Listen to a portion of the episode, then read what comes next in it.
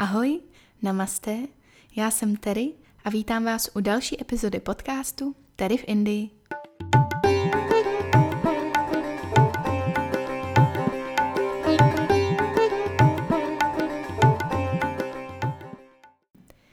Ahoj, jak se máte? Doufám, že se máte dobře. A jsem ráda, že dneska posloucháte. Dnešní epizodu bych chtěla věnovat povídání o věcech, eh, kterými tady v Indii úplně nejvíc chybí. Tak jdem na to. Tak začneme úplně tím asi nejhlavnějším a to jsou rodina a přátelé. Je to takový břímě, balvan, který jsem na sebe povalila, když jsem se rozhodla natrvalo se přestěhovat do Indie. A občas mě to moc trápí, ale jinak to teď v současné době nejde. Jsem ale moc vděčná za to, že existuje Skype, Facebook, protože díky těmhle platformám, ať jsou někdy až moc jedovatý, tak díky nim jsme stále v kontaktu, můžeme se kdykoliv vidět a slyšet. A neumím si představit, kdyby to bylo jako dřív, kdyby jsme si jenom psali dopisy a viděli se třeba jednou za pár let. To si nedokážu představit. Když si takhle voláme, tak přeci jenom vám přijde, že nejsou tak daleko. Nic se ale samozřejmě nevyrovná tomu, když jsme opravdu spolu a už se moc těším, až eh, zase budu moc přijet domů. Další věcí je určitě počasí. Jak už víte, tak eh, tady na jihu Indie je celoročně vedro. Eh, jediný roční období, co máme, je období dešťů, což je velmi krátký. A potom léto a léto a léto. Jedno horší než druhý. Takže mi hrozně moc chybí roční období, zvlášť eh, podzim, to je moje asi nejoblíbenější období i společně se zimou, jak se všechno zabarví a potom samozřejmě padá sníh. Pokud nevíte, tak já miluju zimu, což je trošku oxymoron k tomu, že žiju v Indii. Ale je to tak. K tomu se uh, pojí ten déšť. Miluju déšť, miluju všecko uh, studený, mokrý, prostě jsem taková zvláštní. Ale toho tady právě moc nemáme. Vždycky, když vidíme na předpovědi mráček nebo blesk, tak se eh, radujeme, ale nakonec to všecko zmizí za pár dní, když si meteorologové um, usmyslejí, že to tak prostě nebude. Taky čerstvý vzduch. Indie se zrovna kvalitou vzduchu chlubit opravdu nemůže. Ty nejznečištěnější města jsou právě v Indii a vždycky, když přiletím domů a jenom vylezu z letiště a nadechnu se, tak opravdu cítíte ten rozdíl, jak vám ten čerstvý vzduch naplní plíce a je to úžasný pocit. A současně mi to je i líto, že to tady v Indii takhle je. Ale asi kdyby nás byla miliarda i v té České republice a bylo by tam tolik aut a, a tak dále, tak bychom na tom byli stejně. To ale samozřejmě neomlouvá nic, co my lidi děláme nebo neděláme spíš pro tu naši planetu. A tak mi ten čerstvý vzduch opravdu chybí.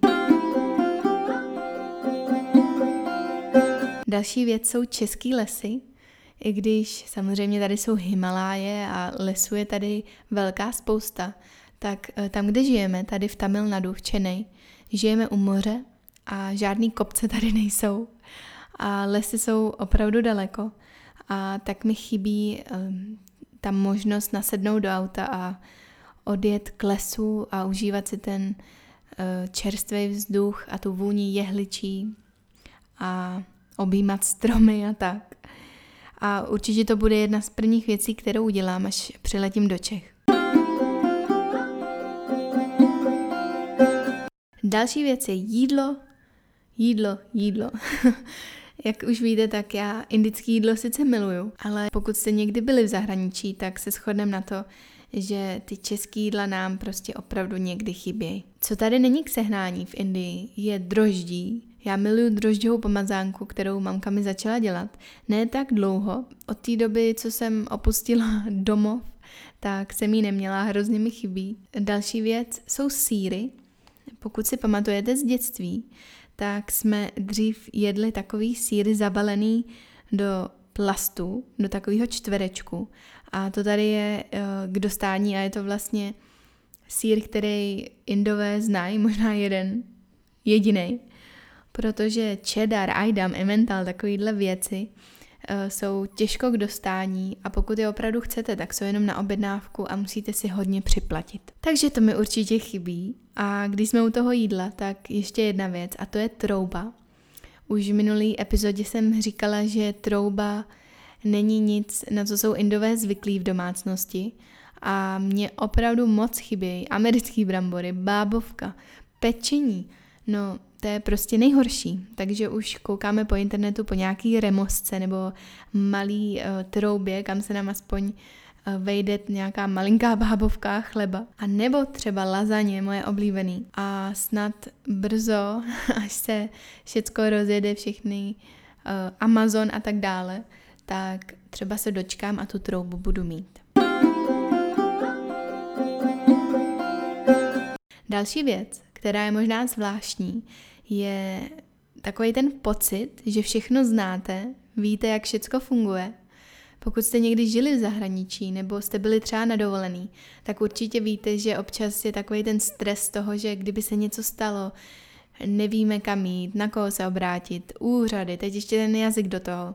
Takže když jsem doma a vím, jo, tady, tady musím na poštu, tady ten úřad, tady ta úřednice mi pomůže s tímhle. A úplně lehce víte, že to vykomunikujete, to, co potřebujete, tak pak, když žijete v zahraničí a třeba neznáte tu řeč, anebo úplně nevíte, jak to funguje, zvlášť v chaotické Indii, tak uh, někdy je to takový hm, zvláštní blbý pocit, že se musíte spolehnout na někoho jiného. Takže to mi chybí, taková ta samostatnost, uh, když jsem venku, protože tady v Indii na spoustě věcech uh, jsem závislá na mém manželovi, na Rinkovi, a doufám, že jednou budu mít příležitost žít s Rinkem někdy i v Čechách, aby si to vyzkoušel, aby jsme to měli naopak. I když on je hodně šikovný a otrkaný, takže si myslím, že to určitě zvládne líp než já. No a když jsme u toho známa, tak je to určitě jazyk, co mi chybí. Čeština je nádherná, a i když si volám s rodinou a tu češtinu slyším, tak stejně se vždycky usmívám, když jsem doma a třeba jenom stojím na zastávce nebo v krámě a slyším, jak si lidi povídají tou naší krásnou řečí. Takže jo, je to takový zvláštní, ale čeština mi chybí. Když jsem mluvila o tom počasí, tak eh, co určitě v Indii nelze, pokud teda nejste na severu eh, během prosince, tak je to oblečení.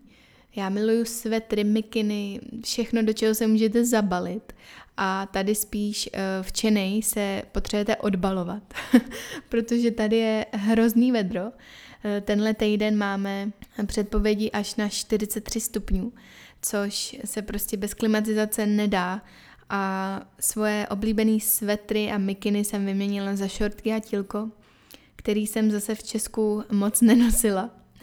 Takže to mi chybí a vždycky, když uh, jedeme do Dili, kde ať věřte nebo ne, tak může být až 6 stupňů, který těch 6 stupňů se opravdu nevyrovná našim 6 stupňů. Je to, je to horší a určitě moje mamka by vám potvrdila, moji rodiče, že ta zima tady v Indii, když je, tak opravdu je pořádná.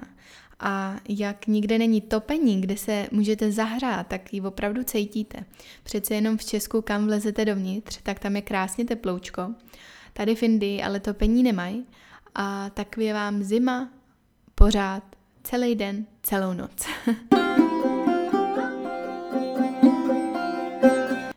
samozřejmě mi chybí Česko, je to můj domov.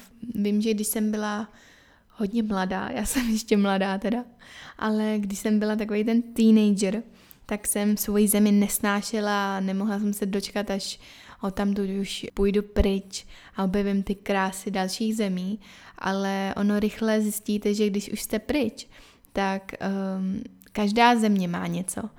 V každé zemi jsou blbci, ať chcete nebo ne, V každé zemi budete mít dobrou i špatnou zkušenost a tak to prostě je. Ale když jste doma v tom našem nudném Česku, jak se někdy může zdát, tak si vždycky myslíme, že na druhém konci u sousedů je tráva zelenější, ale věřte mi, není to tak. Lidi v zahraničí i v těch nejvysněnějších destinací, o kterých sníte, kde třeba chcete žít, tak i tam mají lidi stejný problémy jako my.